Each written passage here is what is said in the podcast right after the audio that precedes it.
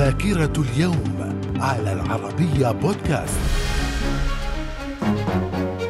أهلا بكم ومن ذاكرة اليوم الثاني عشر من ديسمبر في العام 627 وقوع معركة نينوى وكانت نتيجتها انتصار الروم البيزنطيين بقيادة الإمبراطور هرقل على الفرس الساسانيين بقيادة القائد راهزاد.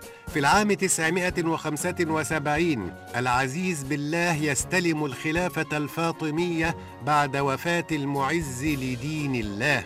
في العام 1089 وقوع مذبحة معرة النعمان إبان الحملة الصليبية الأولى حيث اقتحم الصليبيون المدينة وقتلوا حوالي عشرين ألفا من سكانها. في العام 1901 جوليلمو ماركوني يجري أول بث للراديو عبر المحيط الأطلسي. من الذاكرة. ومن ذاكرة الثاني عشر من ديسمبر في العام 1925 رضا بهلوي يطيح بالشاه أحمد مرزا القاجاري وينهي حكم القاجاريين للإمبراطورية الفارسية وينصب نفسه شاها.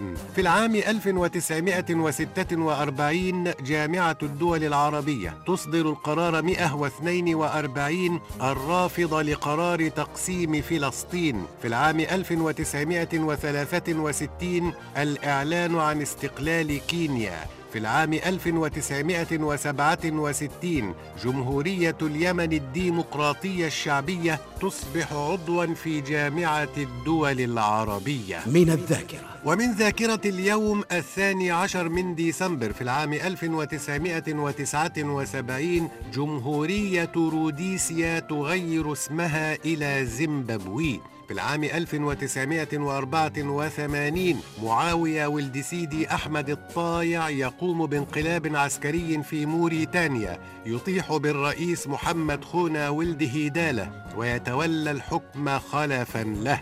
في العام 2005 اغتيال الصحفي والنائب اللبناني جبران تويني في تفجير سيارته. وفي العام 2011 المجلس الوطني التونسي ينتخب زعيم المؤتمر من أجل الجمهورية المنصف المرزوقي رئيسا للجمهورية. من الذاكرة. ومن ذاكرة اليوم الثاني عشر من ديسمبر في العام 2015 المملكة العربية السعودية تجري انتخاباتها البلدية الثالثة وهي الأولى التي سمح فيها للنساء بالترشح لمناصب محلية. وفي العام نفسه 2015 مؤتمر باريس للمناخ ينهي أعماله باتفاق دولي تاريخي حول المناخ. من الذاكرة. ومن مواليد الثاني عشر من ديسمبر في العام 1821 جوستاف فلوبير الكاتب الفرنسي في العام 1881